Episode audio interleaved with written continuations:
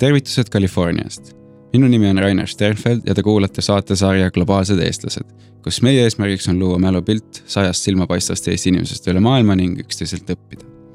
Nendele, kes meid juba kauem memokraad.ee aegadest kuulanud, siis käesolev on järjekorras kolmekümne kuues episood, nii et meil on veel pikk tee minna, et sada intervjuud täis saada mul on hea meel tutvustada meie tänast saatekülalist, kelleks on Eesti geeniteadlane Lili Milani.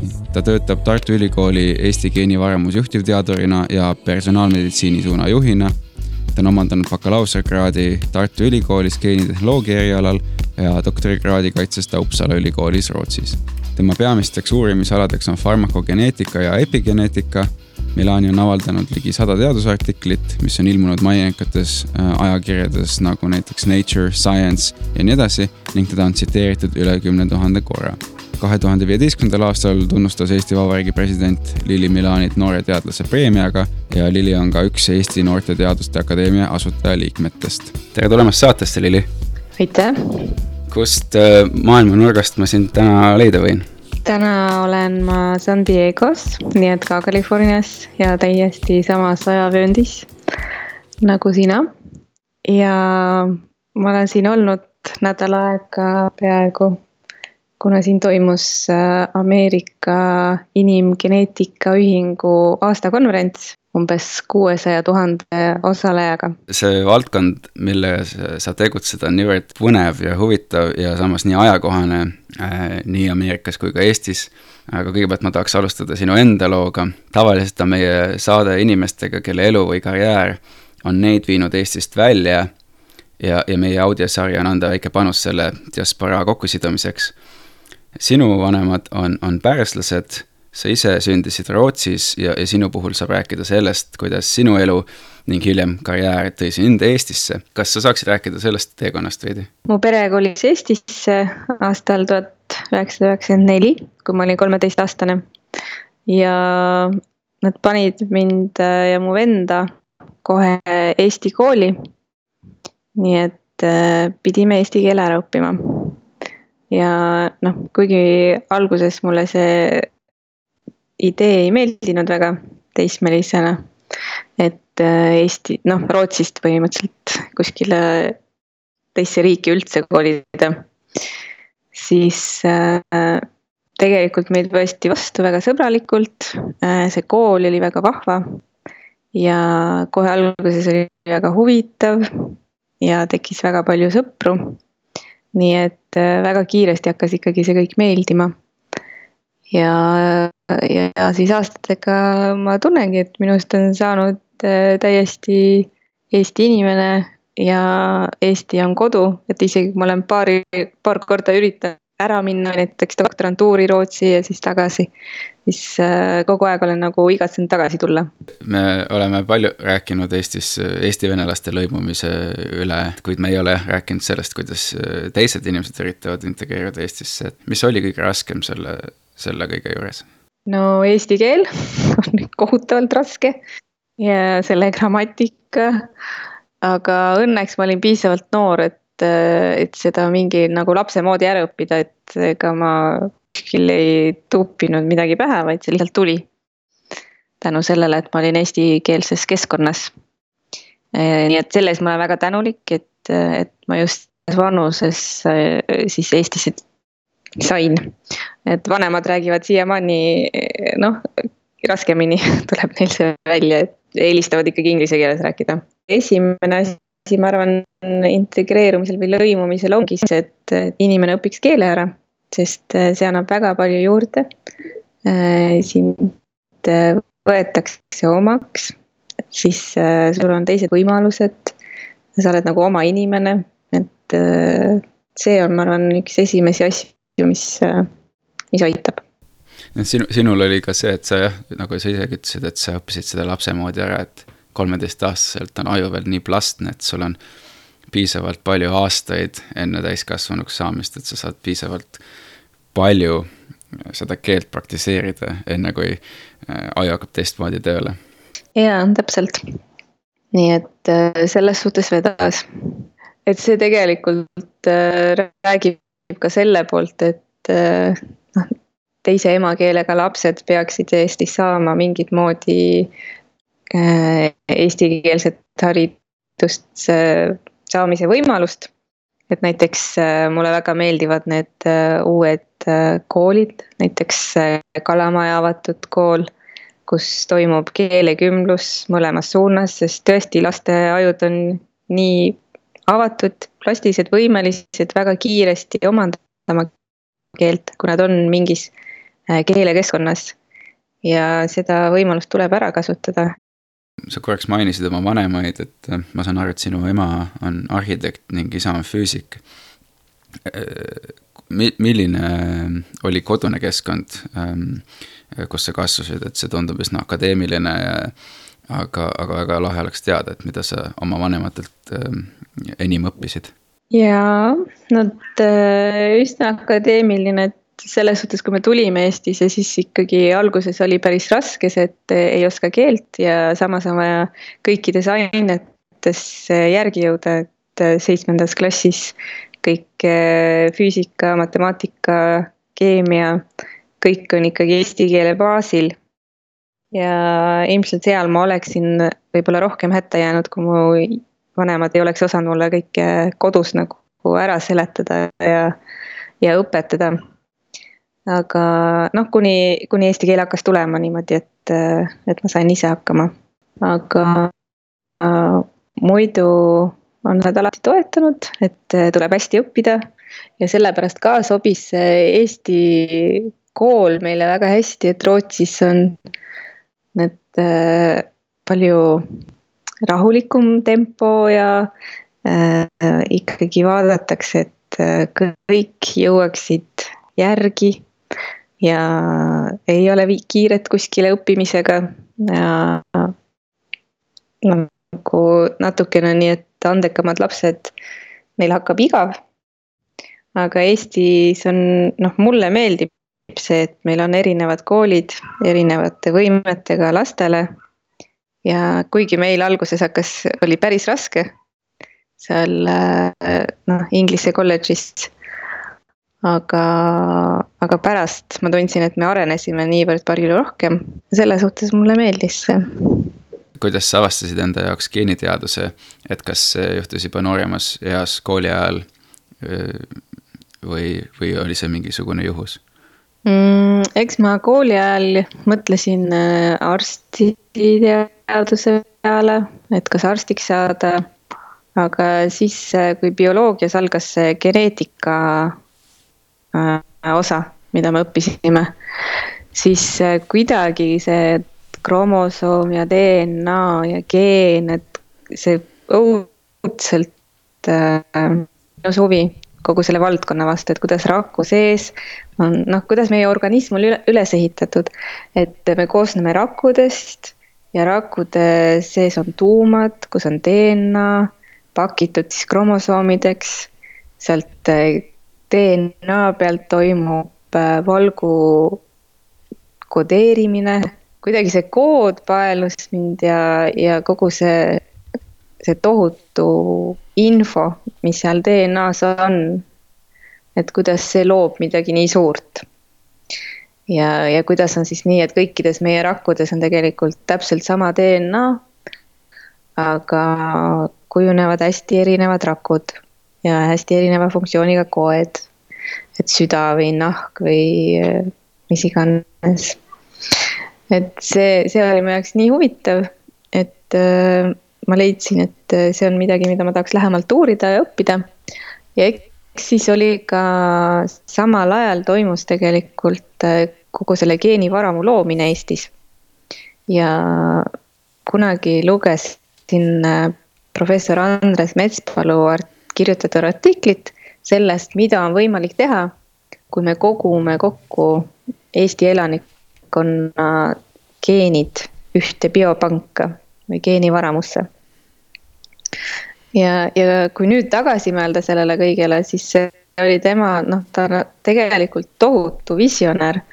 et ta oskas aastal üheksakümmend üheksa äh, tulla välja sellise ideega, seda läbi suruda ja et meil on täna siis äh, nüüd juba saja tuhande inimese DNA geenivaramus.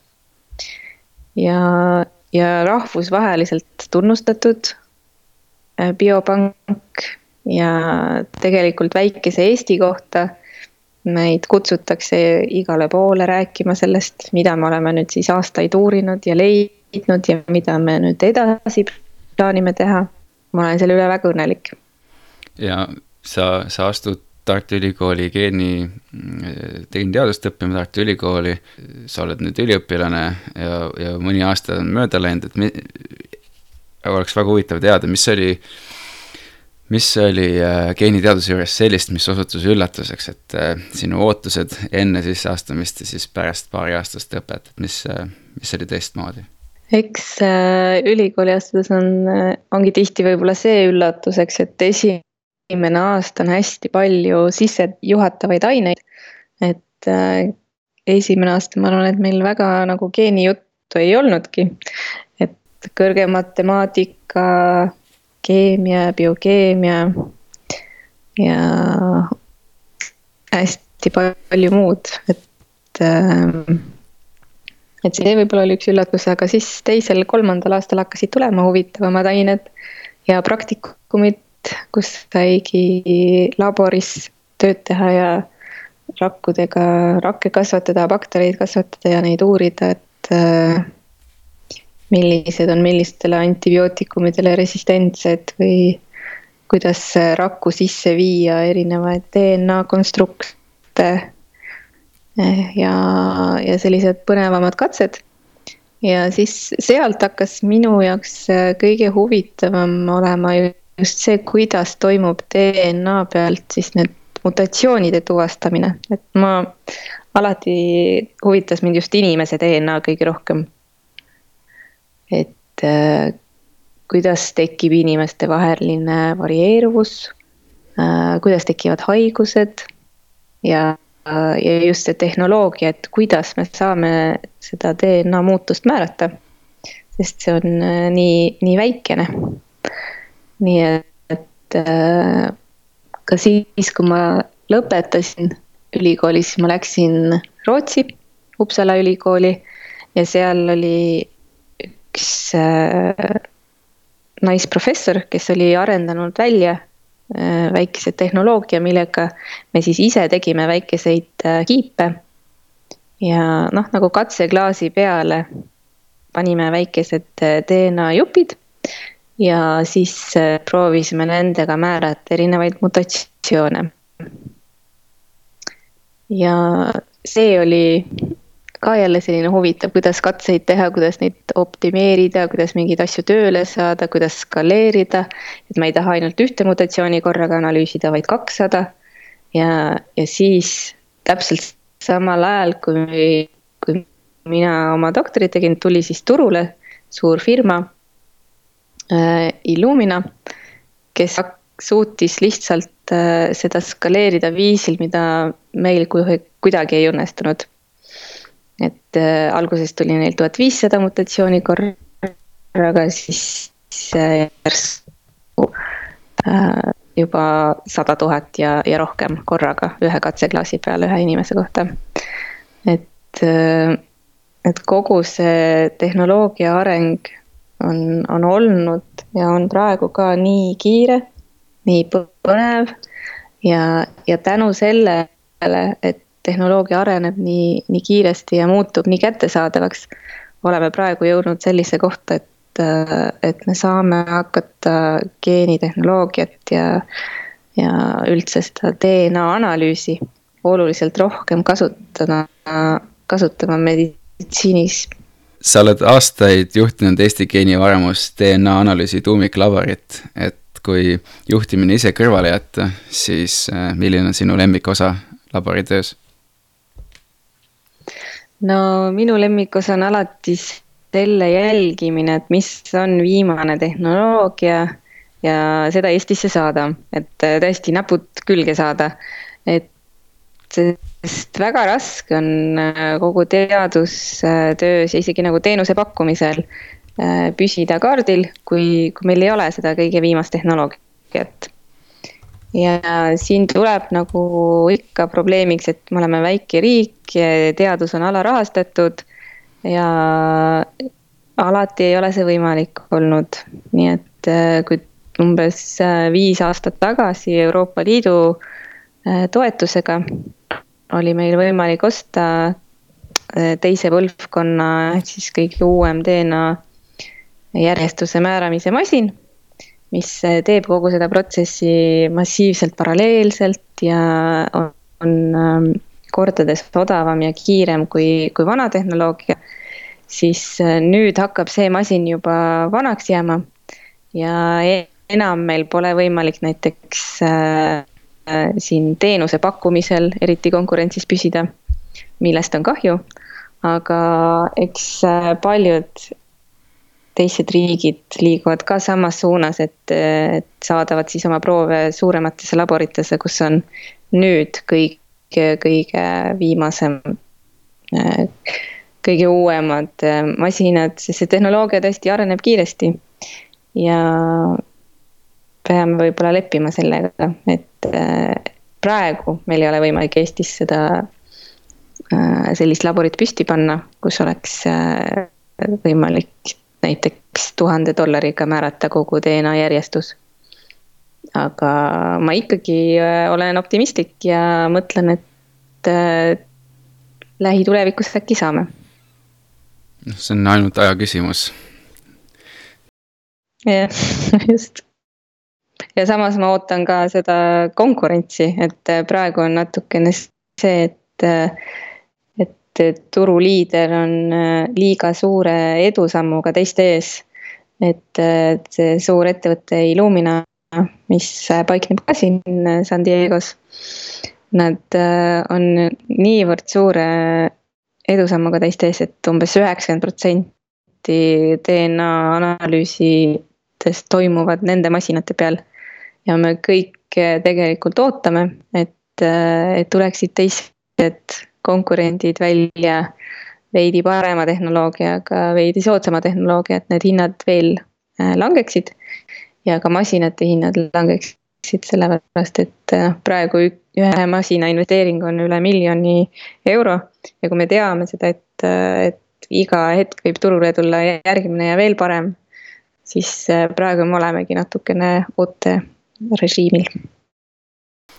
Ma ei tea, kas see on üheksakümne protsendine turuosa, mis sa mainisid, aga igal juhul tundub, et tegemist on nagu faktilise monopoliga, et. Ähm, ja põhimõtteliselt on räägime natuke ajakohasest projektist ka, et äh, Eesti, Eesti Vabariik peab täna, tänavu siis sajandat juubelit ja Eesti Kinnivaramul on siis äh, projekt äh,, mille käigus on plaan koguda geenivaramusse saja tuhande inimese andmed.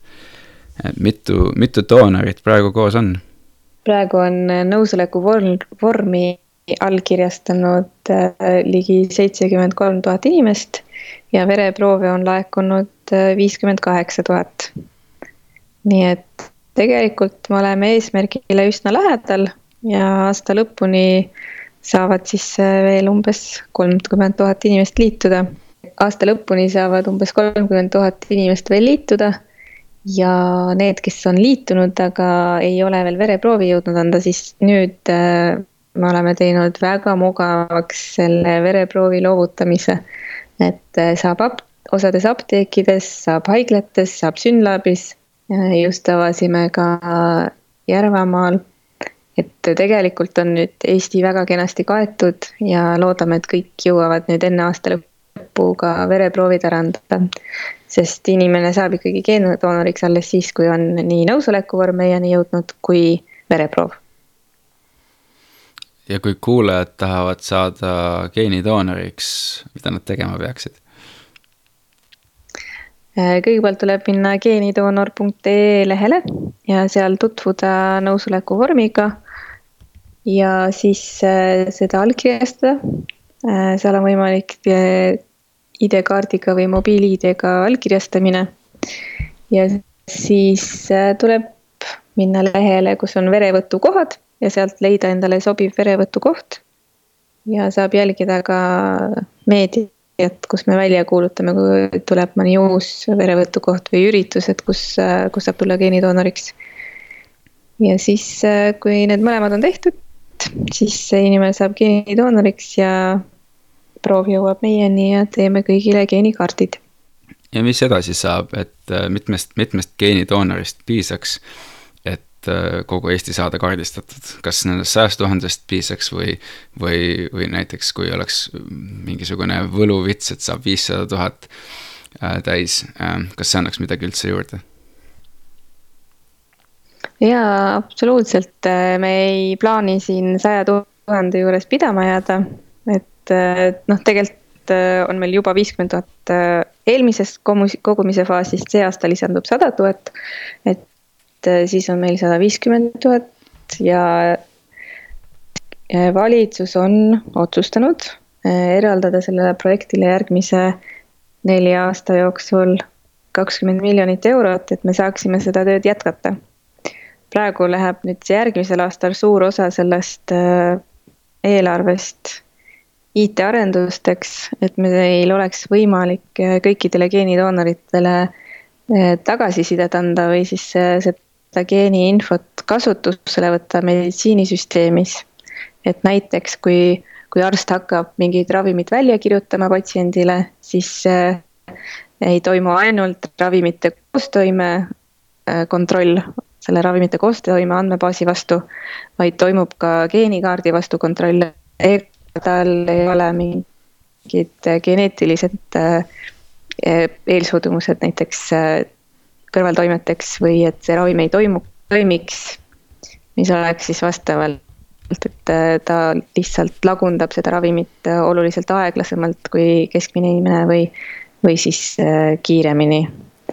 et see info peaks olema olemas seal andmebaasis ja, ja noh, need on väga suured arendused, mis on vajalikud mitte ainult siis nende ravimite poole pealt, vaid ka geneetiliste riskide arvesse võtmine ja ravijuhised, mis peavad seda kõike arvestama. siis, kui arst mõõdab näiteks kolesterooli, vererõhku ja, ja siis äh, läheb arvesse ka geneetiline eelsuudumus, et kas ta on siis ülikõrge riskiga näiteks äh, südame-veresoonkonna haigusteks ja vajaks äh, kindlasti siis ravi, et haigust ära hoida, ennetavat ravi. Ja kui inimene on äh, geenidoonoriks saanud ja talle on tehtud geenikaart, et siis äh, ku, kuidas äh,, kuidas selle tavainimese suhe selle geenikaardiga välja näeb, et kuidas ta seda näeb äh, ja mis ta sellega teha saab äh,? me proovime kindlasti ka teha inimestele sellised, äh, sellise portaali, kus nad saavad sisse logida ja, ja vaadata midagi interaktiivselt, et äh, noh, kõik need sagedaste haiguste nagu teist tüüpi diabeet või südame-veresoonkonna haigused, et et äh, nende puhul geneetiline risk mõjutab küll äh, seda koguriski haigestuda, aga elustiili faktorid on seal oluliselt suurema mõjuga. nii et näiteks, kui on keegi hästi kõrge geneetilise riskiga südame-veresoonkonna haigusteks, siis tal on võimalik äh, see risk peaaegu nullini viia sellega, et äh, kehamassi indeks on korras, äh, vöö ümbermõõt on normaalne, ehk siis ülekaalulisust äh, äh võimalikult äh, vältida. või, või kui on näha, et need lisakilod hakkavad tulema, siis kindlasti kiiresti midagi ette võtta. suitsetamine maha jätta ja kõik need riskid, mis või noh, elustiili faktorid, mis suurendavad riski, nendega on võimalik väga palju mängida. Ja soomlased ongi teinud sellise väikse portaali, kus, mille nimi on Kardiokompassi. ja, ja seal saabki täpselt nende samade näitudega mängida. et mis siis saab, kui ma langetan kaalu näiteks viis kilogrammi või jätan suitsetamise maha ja, ja siis inimene visuaalselt näeb, et vau wow,, et mu risk langes järsku mitmekordselt. et äh, me loodame, et sellised asjad äh, aitavad inimest ja motiveerib inimest äh, oma elustiili parandama ja tervist hoida. kuidas äh, kogutud andmetega, nüüd kui sada tuhat saadakse täis, et kuidas kogutud andmetega edasi töötatakse? ja, ja ma ei mõtle siin just nagu üksikisiku tasandil, vaid geeniteaduse edasise arengu seisukohast ja no meie, ma, ma ütleks, et kõigi Eesti ka rahvusvaheliste teadlaste jaoks on see tohutu väärtus, et meil tekib aastaga juurde sada tuhat inimest, kelle DNA-d me saame nüüd uurida ja kasutada teadustööks. et see aitabki meil leida uusi seoseid geenivariantide ja haiguste vahel. et äh, noh, praegu on äh, see, mida meil on võimalik praegu tagasisidena anda geenidoonoritele, ongi tänule, tänu esimesele viiekümne tuhandele geenidoonorile ja, ja teiste riikide andmestikele, kellega koostöös me oleme siis teinud väga suuri uuringuid, et leida, millised geenid on seotud milliste tunnustega. Ja kui me oleme leidnud piisava arvu neid, neid variante ja, ja neid eh, valideerinud, kinnitanud ja proovinud, kui hästi nad ennustavad mingi haiguse teket, siis nüüd meil ongi võimalik neid kasutada eh, tervishoiu, tervishoius. praegu siin suurel konverentsil San Diego's, kus ma osalesin, siis eh, oli väga palju teemasid ja isegi noh, terved sessioonis, mis käsitlesid seda, et äh, kuidas luua mudelid, äh, mis, äh, mis võimaldaksid selle geeniinfo kasutamist tervishoius.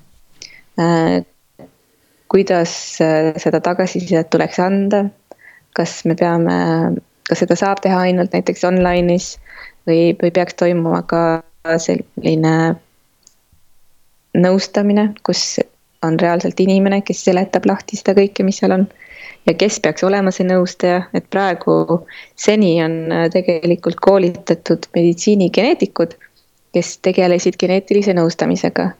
aga nende ülesanne on alati olnud äh, tegelikult väga keeruliste haiguste esiteks äh, noh, lahti nuputamine nagu välja uurimine, et mis geen põhjustab seda haruldast kohutavat sümptomitega haigust et äh, tihti on need äh, sellised väga tõsised mutatsioonid, valku rikkuvad äh, mutatsioonid. ja, ja need on haruldased, aga kui need juhtuvad, siis tekivad juba tihti laht-, lapseeas tõsised haigused või vaimne mahajäämus. ja, ja selleks õpivadki need meditsiinigeneetikud pikalt tõesti noh, arstiõppes ja alles siis spetsialiseeruvad geneetikale et nad oskaksid nii keerulisi juhtumeid lahti äh, mõtestada või lahendada. aga praegu, kui me tahame tegelikult äh, kasutada geneetikat selleks, et täpsemalt hinnata kellegi riski kardiovasculaar- või teist tüüpi diabeet äh, selliseks tavalisteks haigusteks, siis äh, ei ole põhjust, et sellega tegeleks meditsiinigeneetik, vaid äh, Ameerikas näiteks koolitatakse selleks äh, geeninõustajad või siis äh, on see tegelikult selline asi, mida saaksid ka tagasisidena anda kas äh, perearstid või töötervishoiuarstid. ja tegelikult me peaksime jõudma sinna, et kõik arstid oleksid võimelised geeniandmete põhjal nii seda arvesse võtma patsiendi ravimisel kui üldisel nagu pat-, patsiendi käsitlusel. räägiks natuke ka geeniteaduse tulevikust. Ehm, et äh, geeniteaduse, arvutiteaduse äh, arenedes on võimalik tulevikus nii-öelda parandada inimese geneetilist koodi. Ehm, et, äh, et vältida näiteks pärilike haiguste avaldumist ja, ja edasikandumist ja, ja muud säärast. et ähm, kui kui palju toimub geenivaremus ähm,, geeniteaduse eetika ning, ning näiteks andmekaitsealast tööd. korra see võib olla üks selliseid kohti, mis, kus asjad võivad valesti minna. ja no Eestis on väga hästi läinud äh, üldse geenivaramul, sellepärast et enne, kui hakati proove koguma või geenivaramut looma, siis võeti vastu inimgeeni uuringute seadus. ja see on äh, rahvusvaheliselt äh, jällegi väga tunnustatud nii seadus, et, et kui me mõtleme tagasi, et aastal tuhat noh, üheksasada üheksakümmend üheksa kirjutati see seadus, võeti aasta õppust Riigikogus vastu, siis see seadus on tänase päevani olnud nagu ideaalne seadus, mis kaitseb geenidoonoreid, aga samas võimaldab teadlastel väga hea teadust teha. ja kui mõelda edasi noh, teised riigid näiteks, mõni on pidanud oma biopanga kinni panema, sest neil pole olnud vastavat regulatsiooni. ja Taani näiteks kirjutab alles praegu oma, võttis alles nüüd äh, see aasta vastu oma geeniteadust ja biopangandust reguleerivat seadust, et. Äh, et äh, noh, see on hästi oluline komponent kogu selles proovide kogumises ja andmekaitse ja geenidoonorite kaitse kellele andmed kuuluvad, milleks neid kasutada tohib. et äh, alati, kui me räägime andmete analüüsist ja kogu teadustööst, siis tuleb meelde tuletada, et me tegeleme ainult anonüümiseeritud andmetega või nüüd siis õige sõna on pseudonüümiseeritud. et isikuandmeid äh, meie lauale mitte kunagi ei tule. et ja, ja sellepärast on, ongi võimalik neid andmeid äh, nii põhjalikult analüüsida ja laialt, et. Et geenivaramu on üsna, üsna avatud biopank, et kui inimesel või noh, kui teadlasel on äh, eetikakomitee luba olemas antud uuringuks, siis äh, toimub andmete väljastamine spetsiifilisteks uuringuteks. ja kui mõelda sellele DNA editeerimisele või järjestuse parandamisele, siis see on, see on veel tuleviku teema. et äh, millal, mida saab teha, et esimesed kliinilised uuringud toimuvad küll juba praegu äh, väga, väga spetsiifiliste äh, sellise geeniteraapia puhul. näiteks noh, kui on keegi pime, siis toimub mingisugune geeni, geeniteraapia katse just selle, et noh, mis seal silmas veel hullemaks saaks minna, et. Äh, ma arvan, et sellepärast on see lubatud ja sellist heakskiitu saanud, selline uuring. aga üldiselt ja laiemalt ma julgeks küll praegu rääkida geeniteraapiast just sellest perspektiivist, et, et hakatakse nüüd CRISPR tehnoloogiaga näiteks äh, kõike ravima, et probleem on alati selles, et meil on vaja tüviraku tasemel seda ravi teha. sest äh, meil on kõikides keharakkudes äh, sama DNA ja, ja kui see mutatsioon on olemas, siis ta on igal pool. et kuidas jõuda kõikide rakkudeni, et siis ongi ainus viis äh, läbi tüvirakkude. ja on ka küsimusi, et kui täpne see tehnoloogia tegelikult on, et kas ta nüüd parandab ainult seda ühte viga või tekitab sama töö käigus juurde ka sada teist viga või, äh, või on küsimusi ka selle efektiivsuses, et äh, selleks, et ühte rakku ravida, proovid, noh, sada katset, siis nendest näiteks üks kuni kolm õnnestub. nii et ta on väga hea tehnoloogia tuleviku jaoks ja ka teadustöö jaoks praegu näiteks, kui me tahame uurida mingisuguse geeni funktsiooni ja, ja me teame, et selles geenis olevat kolm mutatsiooni põhjustavad väga tõsist haigust. aga me tahame teada, kas, mis sellest noh, mis juhtub, kui on mingid teised mutatsioonid selles geenis. siis on võimalik sellises rakukultuuris sisse viia need mutatsioonid ja uurida, mis, mis juhtub. Et selle koha pealt on ka väga võimas tehnoloogia.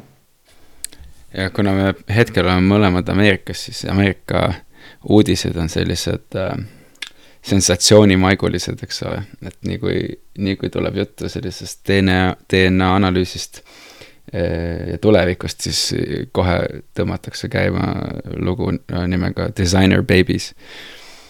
et ähm, mm. kas sul on, kas sul on ka oma um,, oma vaade sellele uh,, kui, kui kaugel, kui üldse uh, me oleme sellest, et sellised asjad üldse reaalsuseks saavad?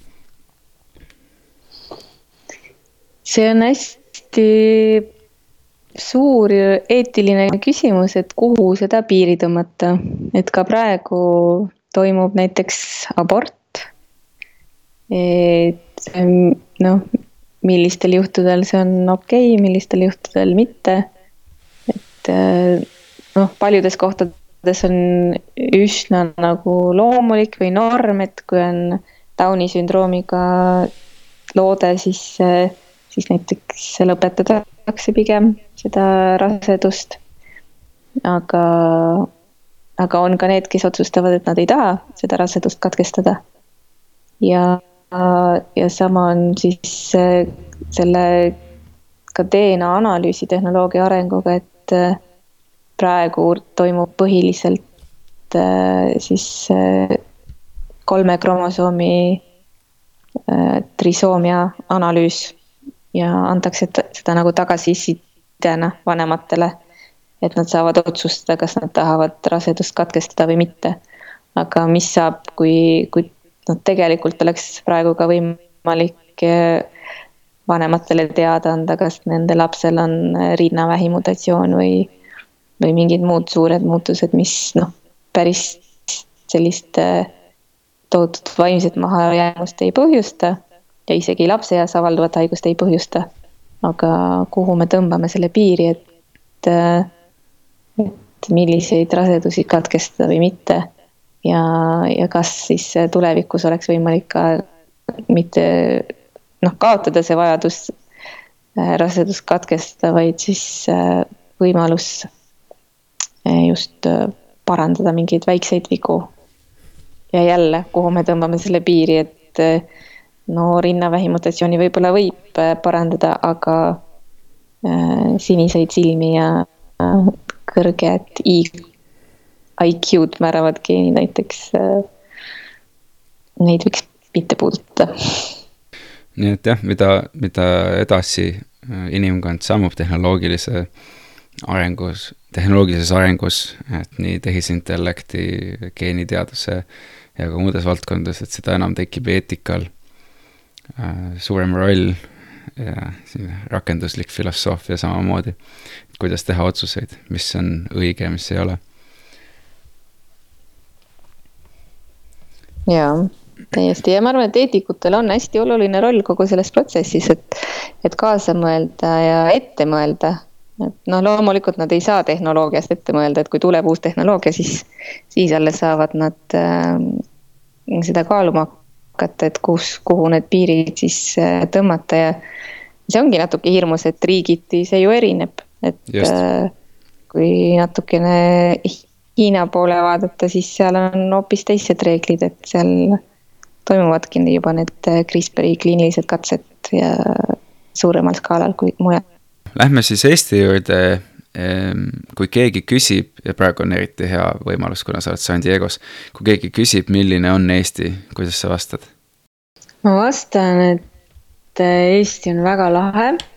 mulle kohutavalt meeldib seal elada, sellepärast et äh, see on väike riik ja me oleme kõik omavahel nii hästi ühendatud, et äh, kui mul on vaja midagi rääkida kellegagi, kes valdab IT-d või turvalisust või äh, ükskõik millist teemat, siis see inimene on nagu kohe kõrvalt võtta, et äh, ja kui kohe ei ole kõrvalt võtta, siis äh, mõnel sõbral või tuttaval ikka on keegi väga tark inimene soovitada.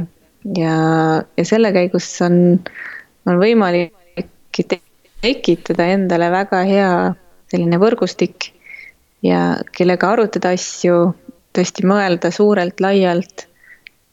Ja, ja ma ei jää kuidagi kinni enda väiksesse geenitehnoloogiasse ja DNA analüüsi, vaid äh, mul on nagu ümber hästi paljud targad inimesed, kellega ma saan põrgatada igasuguseid ideid ja nad aitavad minul näha asju palju suuremalt ja laiemalt, kui ma muidu näeksin.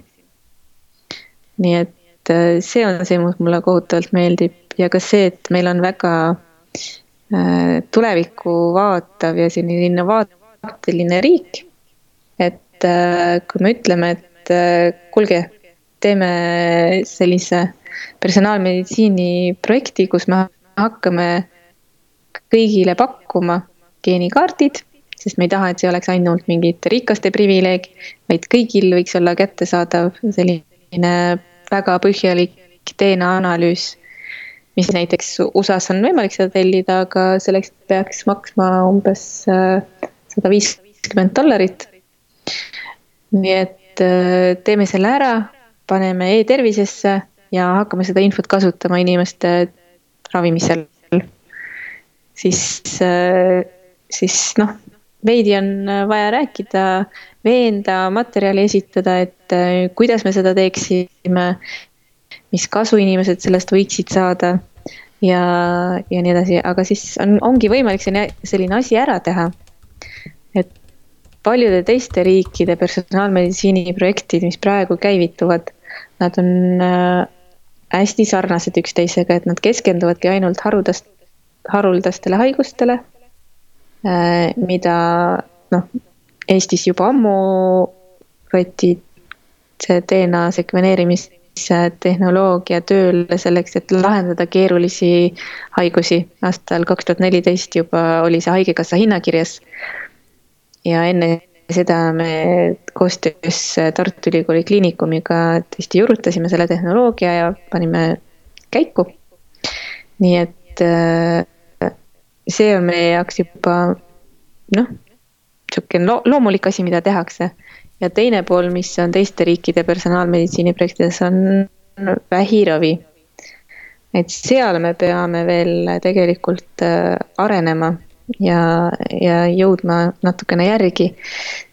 sellepärast, et äh, probleem on selles, ühelt poolt selles, et äh, need need kallid äh, vähiravimid, mille puhul DNA analüüs oleks äh, oluline ja põhjendatud. Need ei ole lihtsalt äh, haigekassa poolt hüvitatud. nii et noh, need ei ole haigekassa hinnakirjas. on küll vähiravifond, mis veidi tegeleb selle poolega, mida haigekassa siis ei kata ja me peaksime nendega koostöös rääkima, et seal peaks toimuma siis DNA analüüs, et kogu see ressurss oleks võimalikult äh, efektiivselt kasutusel. aga teine pool on muidugi ka see, et äh, väga paljud äh, viimasel ajal turule jõudnud vähiravimid tegelikult ei pikenda eluiga olulisel määral, mis jälle tekitab küsimuse, et kui palju me tahaksime selle suunaga tegeleda. ja ta on kohutavalt kallis ettevõtmine, esiteks nii vähi, selle kasvaja DNA järjestuse määramine kui kõrval oleva terve koe DNA järjestuse määramine, see on ka väga kallid, aga võivad tõesti päästa elusid. nii et äh, sellepärast me võtsime hoopis teise suuna, et äh, pakume kõigile sellist üsnagi odavat äh, DNA analüüsi, mis aitaks meil ära hoida või edasi lükata äh, sellised sagedased haigused, et Eesti on kahjuks endiselt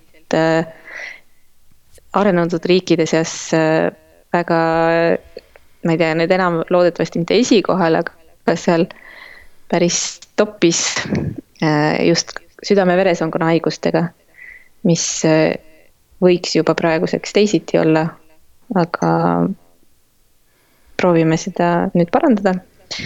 ja ka tei-, noh, teist tüüpi teab, et kui me suudame need haigused äh, edasi lükata vähemalt äh, mõned aastad, siis sellega on juba tervishoiusüsteemil suur kokkuhoid.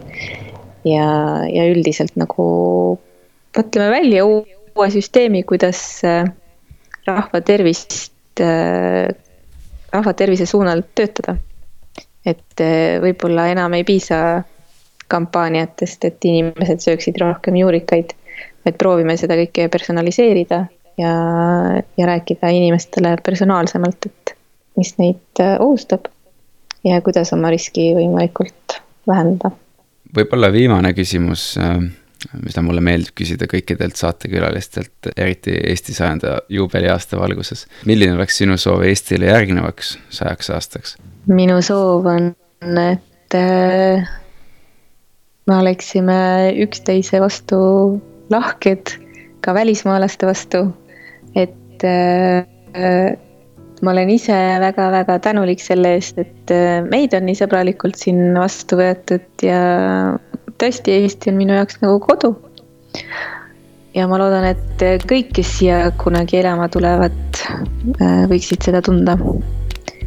Ja siis äh, töötame koos äh, suurte eesmärkide nimel, et toetame üksteise ideid, kui tuleb keegi uue, täiesti teistsuguse ideega, siis võiksime koos mõelda, et kuidas seda nüüd läbi viia ja, ja et inimene tunneks ka oma kodumaal, et ta on, on tegija ja, ja mitte ainult välismaal. Ma arvan, et sa teed äh, täiesti hindamatut ja väärtuslikku tööd Eesti jaoks, et aitäh ja, ja edu sulle kõiges tulevikus ja, ja aitäh, et sa võtsid aega minuga rääkida. ja ma usun, et kõikidel kuulajatel on ka väga huvitav. aitäh ja aitäh kutsumast head kuulajad, meil oli külas Eesti geeniteadlane Lili Milani. kui teil on mõtteid, ettepanekuid, kommentaare, siis kirjutage aadressil globaalsed eestlased at gmail.com, kuulmiseni